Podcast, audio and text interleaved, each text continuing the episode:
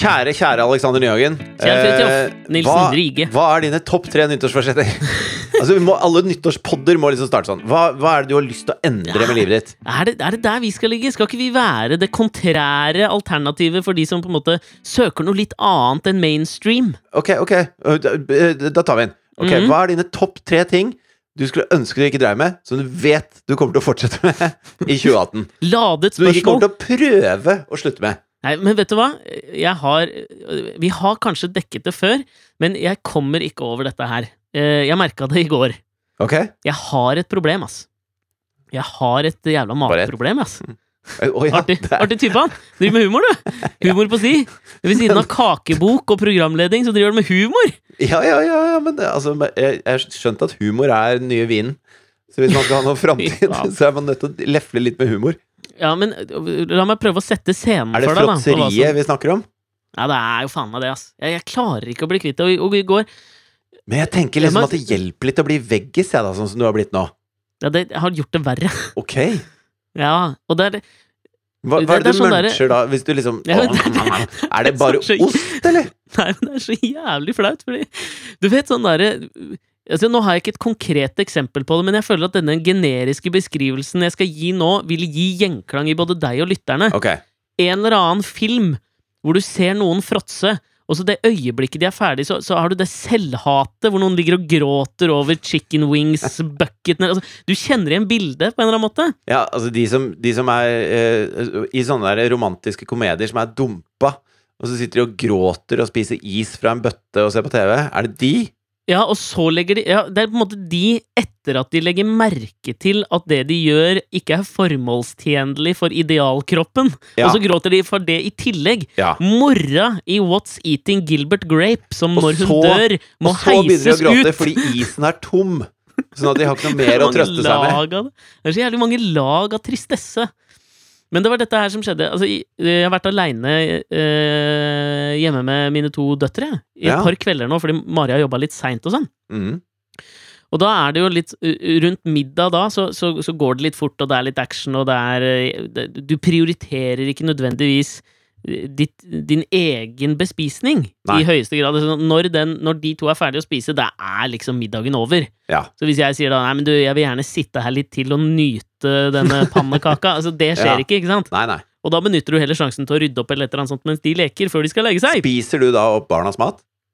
Nei, nei, det gjør jeg ikke. Det gjør jeg ganske ofte, skjønner du. Men jo, innimellom så kan jeg gjøre det, men jeg har fått noen kommentarer på det fra Mari at hun syns det er litt ekkelt når jeg står over grytene. Hun liker liksom ikke konseptet å stå over grytene. Mitt favorittkonsept i livet er jo å Jo, stå men- over grytene! Men konseptet å stå over grytene er jo å lage mat, ikke å stå over grytene med en skei og bare meske seg. Hvor kom, Når og hvem har bestemt at det utelukkende er å stå over grytene? Det har det jo alltid vært. Å nei, nå har jeg stått over grytene i hele dag. Det betyr at du har laget mat i hele dag. Velkommen, dere! Velkommen til meg! Her er det en femretters middag. Jeg har nemlig stått over grytene i hele dag. Men som har kommer til deg, så bare Beklager, her er det ingenting å spise. Jeg har nemlig stått over grytene i hele dag. Ja, men altså, Sånn har det alltid vært. Godtar jeg ikke på basis at det er et jævla reaksjonært standpunkt. Nelson Mandela, apartheid Nei, sånn har det alltid vært. Mohandas Karamshan Gandhi. Salt! Mohandas Karamshan, er det broren til Mahatma? Mahat, nei, det er kallenavnet. Mahatma er kallenavnet hans. Mohandas Karamshan var hans ekte navn. Oh, ja. Hans fødenavn. Sier du det? Men dette her, det er derfor vi er den kontrære podkasten vi er. Det at vi utfordrer de 'slik har det alltid vært'-normene. Vi gjør en regresjon i jegets tjeneste, Nilsen. Ok, så, så altså Mari er sur for at du står over grytene, så det får du ikke lov til mer. Hvordan Ja, er det fråtsingen skjer, Men altså, jeg, skjønner ikke hvorfor det skal være utelukkende. Altså, du, du kjenner jo til uttrykket 'å møtes over bordene'. Altså, det er jo et uttrykk for at det, man har det koselig, man drikker, og det foregår spennende samtaler over bordene. Hvorfor skal Ja. det da ikke være lov å liksom ha det koselig å møtes med meg sjøl regressivt over grytene? Jeg skjønner Jo, ikke! Altså, det er en slags, meg, en slags er det før middag uttrykkenes det apartheid! Eller er det etter Uttrykkenes apartheid der. Jævla dritt, hva er det du sier for noe? Er det før eller etter middag hun syns det er ekkelt? Altså Hvis du går og snasker litt etter at middagen er ferdig, er det det hun syns er ekkelt? Ja, eller jeg vet ikke om hun syns det er ekkelt, eller om på en måte Altså, er det veien eller målet? Jeg tror det mer er målet som er det ekle. som er moren i Gilbert Grape, for jeg ender jo opp der. Jeg er jo fullstendig klar over at på et eller annet tidspunkt så ender jeg opp med at de må skjære av et, en vegg i huset med motorsag og heise meg ut med heisekran. Ja. Det var jo en eh, dame i New York som mista foreldreretten fordi at hun ikke klarte å eh, komme seg opp av senga, så barna gjorde alt for henne. Og når hun Ja. da skulle møte i retten, så måtte de ta ned en vegg i huset hennes for å få henne Ja. ut. Du skal ikke dit. Hvem veit? ok. Ja, så den ene synden noe- du kommer til å fortsette med, det er fråtseri. Altså en Ja, av de men- syv dødssynder. Ja, men jeg er usikker, da, for jeg havna jo i en situasjon her i, i går kveld hvor eh, det hadde vært eh, Vi hadde laget litt panne, litt pannekaker til middag. Men jeg, bare før du fortsetter, for jeg lurer på, Ja. som, som veggis, da Altså, som eh, Jeg er jo kjøtteter. Jeg vet hva som er sånn fråtsema... Altså for eksempel nesten alt er italiensk. Så type Hvis det er oh, pasta med kjøttsaus Den kan bli så kald og stå så lenge, og klokka kan være så seint oh. før leggetid. Den er like fin. Eller lasagne, for eksempel. Du har fortalt deg min eh, lasagnehistorie, eller? Ja, det har du fortalt for, for, lenge, for lenge siden. Ok, okay, Kortversjonen til nye lyttere er jo da at jeg hadde laget to lasagner. Vi var tre stykker. Tre stykker klarte å spise opp den ene formen. Jeg nasket over grytene den hele andre formen utover kvelden. Det er min Ja. favoritting i livet, ass! Kanskje etter liksom sex og barn og ha det nydelig og dop. Hva faen, det bruker jeg ikke engang, men det er sikkert godt, det. Ja, ja. De som, de som gjør det, sier at det er helt tipp topp, faktisk. Eh, De gjør det. men Men, du, men- og det. apropos og så det det sånn, og så har Ok, sånn det kommer jeg tilbake til. hvis jeg eh, for eksempel Jeg kan bli jævlig sulten når jeg er på vei hjem, eh, eller på vei til barnehagen, for eksempel, og da vet jeg at nå skal jeg hente i barnehagen, så Mm. må jeg kanskje handle litt, og så må jeg komme meg hjem, og så må jeg lage mat, og så er det på tide å begynne å spise. Jeg klarer ikke halvannen time uten noe nå. Og da, eh, da jeg, jeg, føler ikke sånn vanlig sultfølelse. Jeg legger ikke merke til at jeg er sulten før jeg plutselig begynner å kaldsvette og blir så mo i knærne ja, ja. og holder på å svimle for meg, liksom. Mm. Og min sånn go to-greie da, det er eh, dessverre Så går jeg da rett forbi McDonald's hver dag når jeg skal hente i barnehagen. Og da er det en sånn dobbel cheese. 25 kroner, bang! Jeg har spist den opp innen jeg når barnehagen. Eh, Mm. Kaster papiret i søppelbøtta, og så er det ingen som vet at jeg har gått og eh, snost meg på Mækkern. Eller eventuelt sånn derre en, eh, en bacon i lompe kan jeg også synes er helt eh, fantastisk bra. Men hva er det Bacon i lompe! Nei, ikke bacon i lompe. Det er det vi kjøttetere kaller baconpølse. Men hva er det, hva er det veggis liksom, Kjøper du deg en chiapudding på vei til barnehagen, eller hva er det du, hva er det du nyter? Nei, nei, nei men det er, ikke, det er ikke der det skjer, på en måte. Og dette her Dette er jo Altså, jeg er fullstendig sånn jeg, jeg tror grunnen til at jeg, den, den situasjonen jeg havnet i i går, traff meg så hardt, da, det var at jeg akkurat hadde drevet og lest om um, Richard Thaler og, og hans på en måte bidrag til uh, økonomien, da. Det var jo nettopp det at det, um, for, Richard uh, Taylor så startet jo Det var altså han som drev med måte sånn sosial, eh, sosiale eksperimenter, gjorde han ikke det? Ja, altså, det var han som på en måte var opphavet sammen med to stykker som vi har snakket om før, Daniel Kahneman og Tversky, var på en måte opphavet til det som kalles behavioral economics. Ja. For Richard Taylor så startet det hele med at han var økonom, og så, og så hadde han en, eller han hadde en professor da han studerte økonomi, som var ekstremt opptatt av vin. Mhm. Eh, Men han kjøpte aldri vinflasker for mer enn 30 dollar, for det syntes han var sløseri å bruke mer penger på vin enn 30 dollar. Ja. Så han, han kjøpte en hel haug med vin, og så, og så begynte han å lagre vin. Og så kom det til et tidspunkt hvor han hadde holdt på med denne hobbyen så lenge at, at veldig mange av, av eh, vinflaskene han hadde kjøpt for under 30 dollar, de var plutselig verdt flere hundre dollar. Oh, ja. Og da var det en vinbutikk i nærheten av campus der de holdt til, som ville kjøpe flere av disse flaskene av han for, eh, for flere hundre dollar. Men han ville ikke selge dem. Så sånn effektivt, det han gjorde, var at eh, når han drakk dem selv, da, så betalte han jo egentlig Masse mer enn 30 dollar ja, for den vinen. ja, fordi han tapte penger. eh, Dette syns han Richard Taylor I, i, Altså, han gjorde jo egentlig det. Han kunne solgt dem og kjøpt seg en ny vin til det. Ja. Men da må man tenke sånn som Katrine gjør isteden. Fordi Katrine hun kan kjøpe seg La oss si hun kjøper en jakke, og så et halvt år senere så selger hun den på uh, Theis eller Finn eller et eller annet sånt, og da har hun tjent penger. De pengene er tjent. Hun har ikke Ja. brukt de for et halvt år siden, det har bare tjent masse penger. Men dette her kunne glidd rett inn i, fordi det Richard Taylor gjorde, var at han da begynte å, Han skrev seg en litt sånn svart bok, som vi vel har snakket om før at Ulf Lundell har, hvis jeg ikke husker helt feil. Jo, det stemmer det. Det har vi snakka ganske mye om, faktisk. Ja, han har den lille svarte boken med alle menneskene han hater. Eh, og, det, og det var det Richard eh, Taylor gjorde. da Han begynte å skrive opp alle sånne ting som han følte liksom ikke hang på greip. Fordi hele basisen til all økonomisk teori som fantes på det tidspunktet, var jo at folk i, i gjennomsnitt er rasjonelle og gjør rasjonelle ting og, og tar rasjonelle avgjørelser. Men Ja. så følte jo han at han kom over en hel haug med sånne ting, sånn som med professoren sin, som ikke virket rasjonelle. Klarte ikke å få helt dette her til å henge på greip. Og så møtte han en fyr da, som tipsa han om eh, Kahneman og Tversky, som var to psykologer som holdt til i Israel, og så sa han liksom du, bør, du bør jo faen meg lese disse gutta her, hva de driver med, og så gjorde han det, og så fikk han jo dette Arkimedes eureka-øyeblikket, som vi har snakka om mange ganger her, og så fant han ut det at det de beviser i psykologien, er jo at folk kan være konsistent irrasjonelle. Selv Mm. om de Altså, de kan gjøre samme feil ø, om igjen og om igjen. Eh, Fordi at det rasjonelle for denne vinsamleren ville jo vært å selge de flaskene. Og så eh, hvis han eh, selger ti av de for eh, 3000 dollar, da, og så kunne han Mhm. kjøpt eh, 100 flasker med 30 dollars vin. Og, og utvidet vinkjelleren noe helt drastisk. For han syntes i utgangspunktet det var bortkasta med viner som kosta mer enn 30 dollar. ja, så det er jo irrasjonell oppførsel, Ja. egentlig. Og det fins jo nå Men kanskje det var en slags sånn selvjustis? At han ikke skulle bli alkis? ja det, ja, det kan det jo være. Da Ja. er det jo i så fall rasjonelt. Men det fins jo flere eksempler. jeg husker Jarle, når han hadde eh, Bernhoft! Var det Jarle? Når han hadde siviltjeneste, så tjente han så sinnssykt mye penger, følte han. Da hadde det jo vært eh, på en måte sånn eh, stipend på skole, og det var ganske trange kår, da. Og så var det liksom bandlivet, som var ganske stramt og trangt. Og så var det siviltjeneste, og da fikk han jo ganske godt med penger for han å være, utbetalt i måneden. Og da hans løsning på det var jo å begynne å røyke. Sånn at han kunne slutte å røyke når siviltjenesten var over, for da hadde han fremdeles samme forbruk når det gjaldt alle de andre vanene sine. Og det gjorde han faktisk. Ja, Dette er sånn typisk ting som hadde havnet på, kan, nei, på, um, på Taylors liste.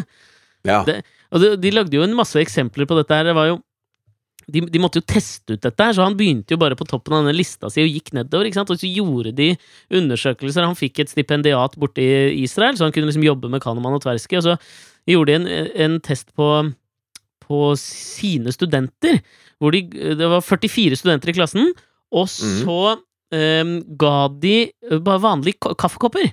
Kom de inn Ja. en dag med sånn vanlig vanlige stygge kaffekopper kjøpt på Nille, liksom, som de ga til 22 av elevene. Altså halvparten av elevene fikk kaffekopper. Ja. Halvparten fikk ikke.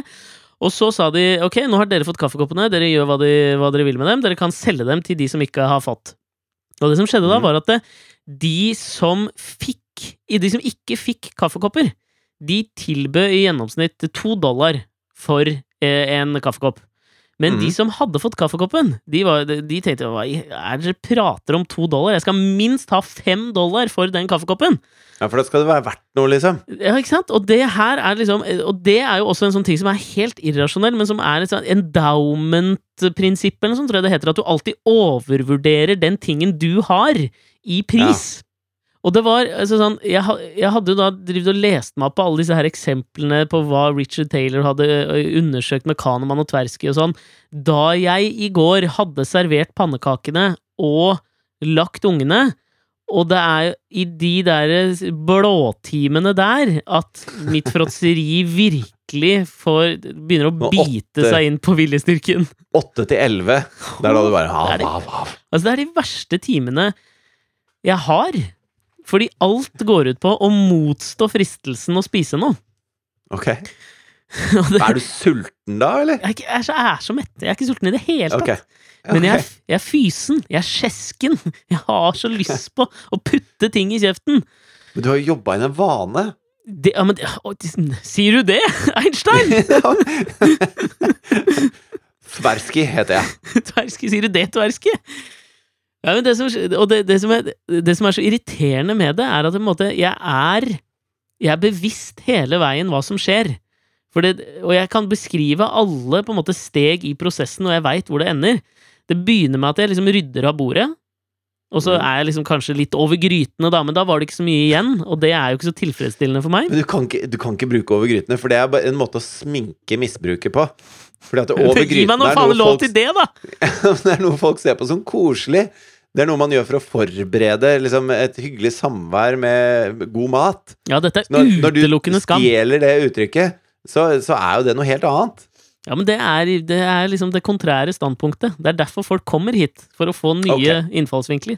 Okay. Så jeg kommer til å stjele det. ok. Men akkurat over grytene denne kvelden så var det jo ikke så mye å hente. Nei. Um, men, men det neste jeg gjør da, er å smøre matpakker til dagen derpå. For jeg tenker jeg må ha noe å gjøre, sånn at jeg ikke får så fokus på mat. Det jeg da velger, irrasjonelt nok, er å smøre lage mat. Og da ser jeg jo da først i kjøleskapet, da, ikke sant? og så ser jeg at oi, der lå det en sånn um, god snøfrisk med dill. Mm, Ja. Det er godt. Ja, det er Og så tenker jeg sånn, det første jeg tenker da, er at ok, men ikke gå til liksom pottis nå, da. Hvis du, hvis du nå skal prøve å Altså, jeg veit at du Jeg kommer til å spise noe. Du har lyst til å dyppe pottis i snøfrisk med dill. Det var det første. Mitt første innfall. Ja. Og så tenker jeg sånn, ok, nei, men la oss ta dette steg for steg. Jeg kan ikke Mm. gripe over for mye. Det er tross alt bare dag to, liksom, eller tre, i, i det nye året. Baby steps. Mm. Så det gjør da at jeg, jeg tar ut en gulrot, og så skjærer jeg den opp i sånn nydelige, litt for store, så det blir sånn julienne. At det ser litt fint ut. ja, Julienne er sånn fyrstikkstørrelse. Ja, Jeg tipper dette var mer sånn Ja, det var, ja men Ja. de var ikke mye tjukkere.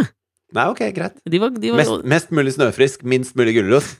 Akkurat. Akkurat. Så begynner jeg, sant. Den første lille julienne-grønnsaken har bare litt snøfrisk på, deg, på seg. Mens nummer 38, da er det jo Altså, du ser ikke Du ser ikke gulroten for bare snøfrisk. Altså, det, det renner over hendene, og jeg Jeg kunne drukket snøfrisk. Det hadde vært Men er det sånn at du med Liksom. vilje lar tommelen og pekefingeren grave litt nedi snøfrisken, sånn at det er litt på fingra, og som du kan sleike av? Ja, ja. Klart det er. Klart det er. Så jeg tømmer jo da en snøfriskboks, og så tenker jeg sånn, ok, men vet du hva? Dette er greit, for det var sånn gulrot. 200 grams boks Nei, du vet med ost, små en kloss med ost. Nei, du vet de der trekantene. De Ja, ok. snøfrisk i sånn 150 gram, da. Ja, det er mye. Og jeg leser bakpå liksom Oi! Bare 500 kalorier per 100 gram. Slurpe videre, liksom. Ja. Men, men skamfølelsen kommer ikke ennå, fordi jeg føler fortsatt at gulrot har vært involvert. Det har vært noe grønnsak her, så jeg tenker sånn ok, baby steps, det er greit. Men dette er sånn når de fikk klassifisert eh, pizza som grønnsak på skolen i USA, fordi at det hadde både tomat Ja. og løk på seg. Ja, og det, det holder jo ikke. Og Men, pommes frites altså grønnsaker der borte. Ja, men, og det holder jo ikke. Men, men for meg psykologisk på dag tre i 2018 så føltes det i hvert fall som et, et babystep i riktig retning. At jeg ikke Ja. liksom gikk bananas. Men, ikke sant det, det, Og da tenkte du hm, hva med dessert? Ja, men det verste er at du foregriper, vet du. Fordi at det, når det er gjort, så går jeg og setter meg litt, og så betaler jeg noen regninger, og, og leser litt på, på nettet, og prøver å lese litt den nye boka jeg leser, og alt mulig. Men så kommer jo søtsuget, ikke sant? mm. Men jeg tenker, nå skal jeg faen meg stå imot. Fordi nå har jeg altså det, hvis, jeg gjør, hvis, hvis jeg liksom faller inn i dette, så er liksom babystep Da er det, da, da, Da går jeg tilbake. Altså, det er ikke noe Da er det null framgang i dette nye året. For dette, hvis du hadde stoppa der etter en trekant med snøfrisk, så hadde det vært Mhm. framgang. ja, å ja! det. Er flaut å si, da. Det er skam, altså, jeg, jeg er skamfull over det. Men, men det hadde det. Ja, ja. Nei, men jeg syns det er litt sjarmerende. Vi skal ha våre vi skal ha våre fuckings laster her i livet. Det er viktig, det. Ja, og det er jo det jeg sier til meg sjøl hele tiden også, det er jo at liksom summen av alle laster er konstant. Og, og, og, og min sånn Hvis jeg utelukker Altså, grunnen til at jeg måtte spise den kvelden, var at jeg hadde snust så mye gjennom dagen for å ikke spise. Jeg hadde spist byggrynsalat til lunsj for å liksom ikke spise så mye. Men da er jo Men summen av alle laster jeg hadde da snust så mye at jeg klarte ikke å putte en snus opp i overleppa, for det gjorde så vondt. Altså, det, det, og da tenker jeg, hva er verst? Er det en eh, halvkilo snøfrisk, eller er det å få munnkreft, liksom? Da tenkte jeg, vet du hva, kjør nå på. La oss gå all mammaen til Gilbert Grape her. Ja. Men ikke sant, hvis det hadde stoppet der, så hadde det vært greit. Nå skal jeg bare fast forward igjennom på en måte alle svettekuler og alle på en måte viljestyrkeoppgjør jeg hadde med meg sjøl, fram til jeg åpner kjøleskapet, plukker ut den lille Tupperware-boksen svigermor hadde, hadde med til julaften, med øh, denne kalde, skal vi kalle det kaken Sara Bernard.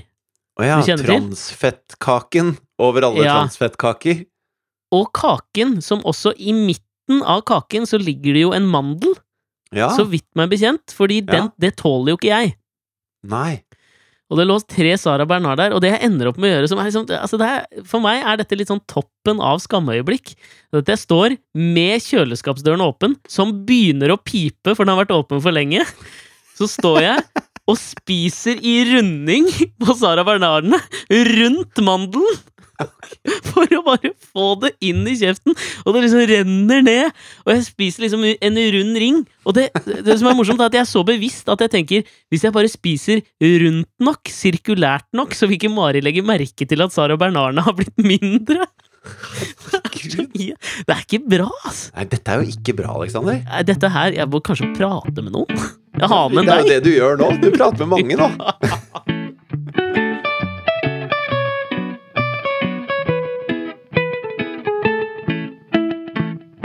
Men det er gøy når du snakker om de der eksperimentene, disse sosiale eksperimentene som de har drevet med. Mm. Fordi jeg har hørt om eh, Altså, når man, når man spør Når man ber folk rangere noe Altså, Mm. eh, for eksempel hvis du har laget mat til meg, da. En slags Mm. eh, liten, rund Sara Bernard. Det Ja. setter du på bordet foran meg til dessert. Så sier Ja. du at er, den, den er ikke så stor, men det er fordi det er, det er så fet kake. Så, men du får i hvert fall mandelen. Eh, Mm. og så spiser jeg den, og så sier du kan ikke du rangere den fra én til ti? Eh, og da, eh, hvis man ber folk om å gjøre det, men sier at de ikke har lov til å bruke tallet syv, så mm. skjer det ekstremt mange ting. For syv er det tallet som folk går til hvis de liker personen, men de føler at det var ikke innertier, dette her, liksom. Så sier de det var en sjuer, så det var, det var god. Eh, og, det, og det har de gjort eh, De har stått eh, eh, og testa folk som kommer ut fra filmer, og så bedt dem eh, rangere filmen fra én til ti. Og så har de tatt da eh, på samme filmen, ikke sant, gjort det med 1000 mennesker, eh, hvor det plutselig ikke er lov til å si sju. Og det som skjer da, er at folk vet at seks av ti er ikke så bra. Altså Hvis du tenker en terning, da. Hvis det ikke er lov å si Mm, fire. mm. Fem og seks er veldig bra. Men tre, Mm. det er liksom Da er det en ganske dårlig film, plutselig. Ja. Så det at du mister den fireren, da, det gjør- gjør at du må ta mye mer stilling til Skal jeg virkelig si at dette er en dårlig film? Eller skal jeg si at nei, nå traff du ikke helt med den Sara Bernarden? Eh, og da blir vi mye ærligere overfor samfunnet, og det, det tenker jeg det, det, er, det burde man egentlig begynne med. Altså Nekte seg selv å si fire på en terning, eller sju på en skala fra én til ti. At da blir det mye tydeligere hva man egentlig mener, og man er nødt til å ta stilling til det. For sju og fire er sånn jævla feigis-ting å si. Ja, og dette kommer, til nå, dette her kommer til å gi gjenklang hos deg, dette jeg skal si nå, fordi det er vel en standing hos altså i det musikkjournalistiske eh, miljøet, altså kritikermiljøet, at jeg tror det til og med er en saying liksom, at du havner på en sterk firer. Og det er alle de platene som på en måte De er bra nok, men du vil ikke unne dem femmeren. Nei, ikke sant? Så, så legger man seg på en firer, fordi det er verken sånn Altså, du kan ikke bruke det i salgsøyemed, men samtidig så er det en god plate. Altså Jeg husker da vi snakka om anmeldelser og sånn, da, da jeg spilte i band, så var jo fire var det verste du kunne få. Mm, Du hadde lyst på enten én eller to, eller fem eller seks. mm. Tre og fire var helt jævlig. For da Ja. er det bare heismusikk, liksom. Da er det ingen som føler noen ting rundt det du holder på med.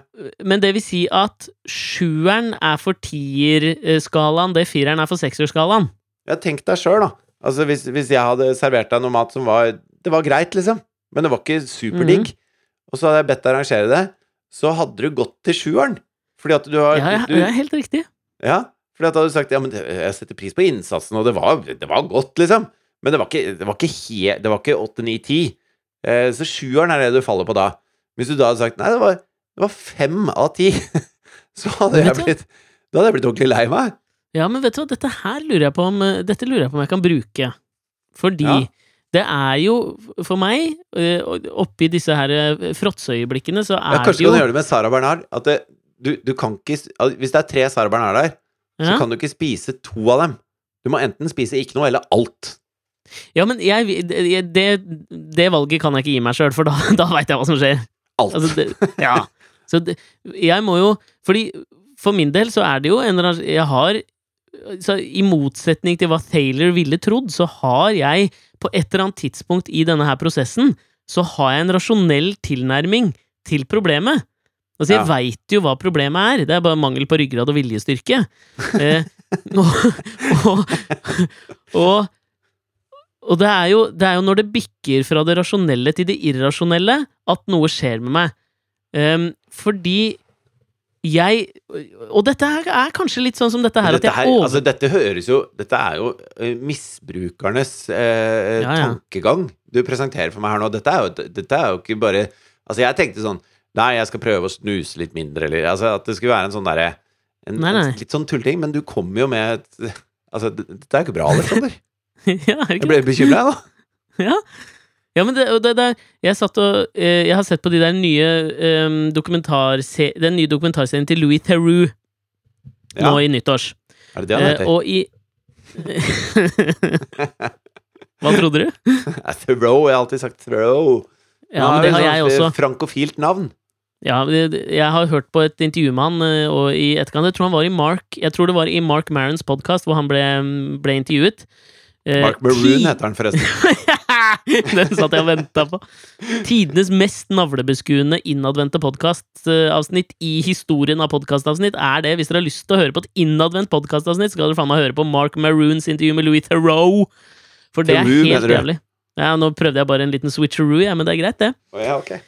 Switcheroo.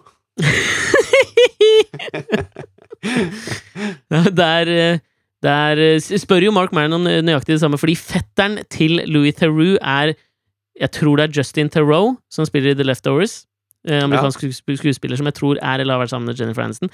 Han kaller jo Theroux, men det er da bro... Altså, ha, altså faren til Justin Theroux er broren til Louis Theroux' far. De delte seg. Den ene halvdelen flytta til USA, den andre til Storbritannia. De i Storbritannia kaller seg Theroux, de i USA kaller seg Theroux. Men Theroux anemessig, genealogisk, er riktig. Oi, oi, oi. Jeg er glad du klara opp i det der. Hvor var det du skulle med at du hadde sett dette her i forhold til din spiseforstyrrelse? I en av episodene til Louis Theroux så er han eh, på besøk i en, en liten by i Altså dette Tri-State-området. Nå husker jeg ikke akkurat hvilken staten ligger i, men det er vel Ohio, Kentucky og West Virginia som kalles Ja. Tri-State. Så det er en liten by i West Virginia som har type sånn 50 000 innbyggere, hvorav sånn, det er mange tusen heroinavhengige. Ja. Så han skal på en måte trace historien litt og prøve å finne ut hvorfor heroinavhengigheten er så stor akkurat i denne byen, denne lille byen. ja. Um, og kort fortalt så handler det om at det er en sånn steel uh, industry-by da, som har bygd seg opp på altså stålindustrien så lenge, at det var så mange som jobbet med det der, som jo er et veldig sånn tøft fysisk yrke, og uh, de fikk da uh, utdelt veldig mye smertestillende i pilleform. Eh, og så kom myndighetene inn og, og kutta ned på dette, eh, hvor alle hadde blitt hekta på smertestillende piller, og så gikk de over til noe annet, og det måtte nødvendigvis bli heroin. Noe som ble en slags Ibsensk gjenganger, at liksom da barnebarn og barn og barn barnebarn jo skjedd, det har jo skjedd i store deler av USA nå, for heroin var jo nesten ikke mulig å få tak i på bygda før. Nei. Men når de, når de trakk inn alle disse pillene, disse opiumspillene de drev og delte ut til folk over en lav sko i USA, ja. så uh, måtte jo alle de snu seg til heroin, og da, da bygde de jo opp uh, Altså heroinkartellene begynte da Mm. å pushe ut på bygda. Og nå er det jo sånn at nå får du ikke så lett tak i pillen lenger, sånn at de unge begynner jo rett på heroin på bygda også. Og uh, det er ikke så bra. Nei, det har du helt rett i. Det var det Louis Theroux fant ut også. Ja. Men, men oppi det der, så, så um, I likhet med alle som på en måte utforsker avhengighet, kanskje spesielt da til narkotiske stoffer, så spør jo Louis Theroux på en måte de han møter om altså, kan, du kan du beskrive hvordan denne haien føles når du tar altså når, Han er jo med ø, flere når de tar heroin. Ikke? Hvordan, hvordan føles det? Hvordan beskriv det? Og det Altså, det sliter alle med, og jeg har ennå ikke Ikke det at jeg, jeg har jo ikke prøvd heroin, men sånn jeg oppfatter alle som prøver å beskrive det, så, så sier de også det at det, det er umulig å klare å beskrive den der følelsen man får av å Men det er fordi det er så det. sinnssykt digg, har jeg hørt at de sier. Ja, og det, og det er det, så jeg, jeg, jeg har ikke vokabularet til å beskrive det. Det var en sånn superjunkie som prøvde å beskrive det til han, som sa noe sånn som at det er som om du tenner en lunte Altså si at du har en svær dynamittkubbe inni kroppen din, og så tenner du lunta på den når du setter sprøyta, og så veit du liksom hele veien at det kommer til å sprenge av vellyst og glede. Og selv da når lunta tikker inn, så er det nydelig, fordi du har en forventning, og forventninger blir innfridd. Ja. Men det Altså, det it doesn't do it justice, som han sa. Det er så herlig. Men, ehm, Men, men det er jo liksom litt av den øh, Litt av det der problemet jeg føler her også, det er at det øh, Fordi det, det Men sånn som jeg opplever deg når du forteller om det, så er det jo eh, Du har Altså, det er forferdelig for deg å holde deg unna. Altså, du sitter i sofaen Mm. og holder deg fast for ikke å gå og Mm. begynne å gnafse. Ja, ja. Og så mens du gnafser, så har du det også litt jævlig. Sånn at du prøver å bli fort ferdig med det. Du lukker ikke kjøleskapsdøra engang. Den står og piper deg i trynet mens du sikler og spiser Sara ja, nå skal jeg Du har det litt fælt da også. Ja, men jeg har det definitivt mest godt, ikke sant? Det er den Ja. følelsen av bare stappe trynet fullt. Det er så forbanna god. Det er som en dynamittkubbe som bare Men det er sånn Altså, i forbindelse med Sånn som den derre eh, Det jeg fortalte om i sted, at du ikke har lov til å si sju. Eh, Jeg leste jo at Ja, fordi eh, det, det er dette jeg skulle til! Ja, ok. Bare for ja. å ta kjapt. Fordi det jeg føler her, er jo at Altså, min vurdering, akkurat som disse som vurderte koppene sine i, i forelesning til Thaler, Kahneman og Tversky, så overvurderer de den verdien av koppene sine. Samtidig så overvurderer jeg nytelsen jeg skal få av fråtseriet. For senere så kommer jo den skamfølelsen like fullt hver gang. Men jeg har overvurdert Ja, og, men, men jeg glemmer den. Der treffer Der slår det irrasjonelle inn. Og, og, og den treffer med like stor styrke hver gang. Jeg gjentar samme feil om igjen og om igjen, vel vitende om at skamfølelsen kommer. Så hvis jeg der kan klare å si Fordi jeg elsker ikke Sara Bernard, og jeg elsker ikke Snøfrisk. Jeg Nei. ville gitt dem en sjuer, ikke sant? og for meg er sjuer godt nok til å få tilfredsstilt det behovet. Nei, jeg skjønner. Jeg skjønner. Så hvis jeg sier ok, jeg, jeg går bort til kjøleskapet, åpner den og ser Snøfrisk. Ok, Hvilken karakter vil du gi Snøfrisk nå, Alex? Du har ikke lov å gi sju. Mm. Så må jeg ned på Jeg må ned på en sekser. Og Ja. plutselig sånn Sekser? Er det verdt Er det, det liksom? verdt det? Er det verdt det? Det blir en kognitiv prosess. Ja, men det, dette er ikke så dumt, altså. altså den andre løsningen er jo øh, for eksempel å bare bestemme seg for å være fullstendig skamløs. Altså, eh, Trump har jo det samme avhengighetsforholdet til, eh, til eh, eh, slags popularitet. Altså, han, han vil være den mest populære. Eh, Og, Ja, og det- Twitter, for faen.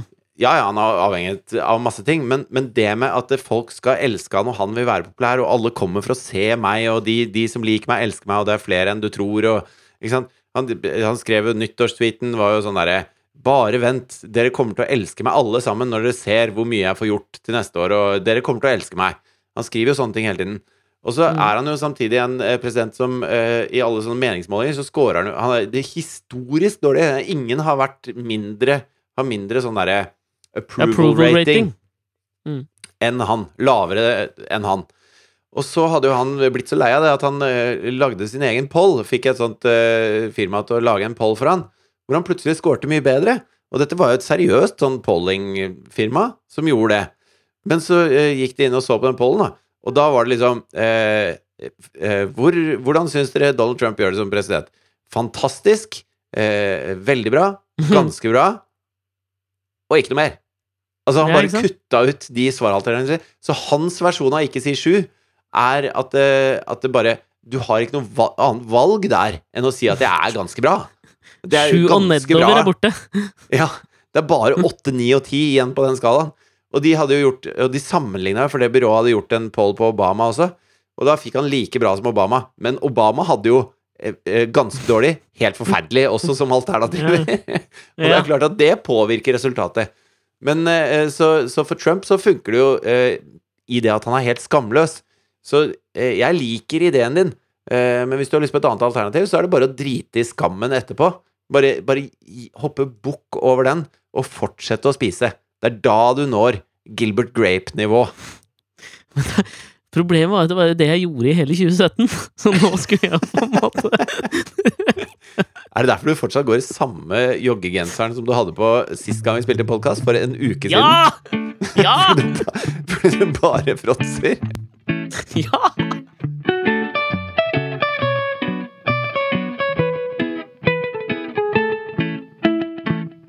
Men vi skal fullføre, altså knyte i hop sekken, som vi liker å gjøre. Nå har du kommet mm. med én ting som du eh, har veldig lyst til å slutte med, som du vet at du ikke kommer til å slutte med i 2018. Et motsatt mm. nyttårsforsett. Hva er de to andre?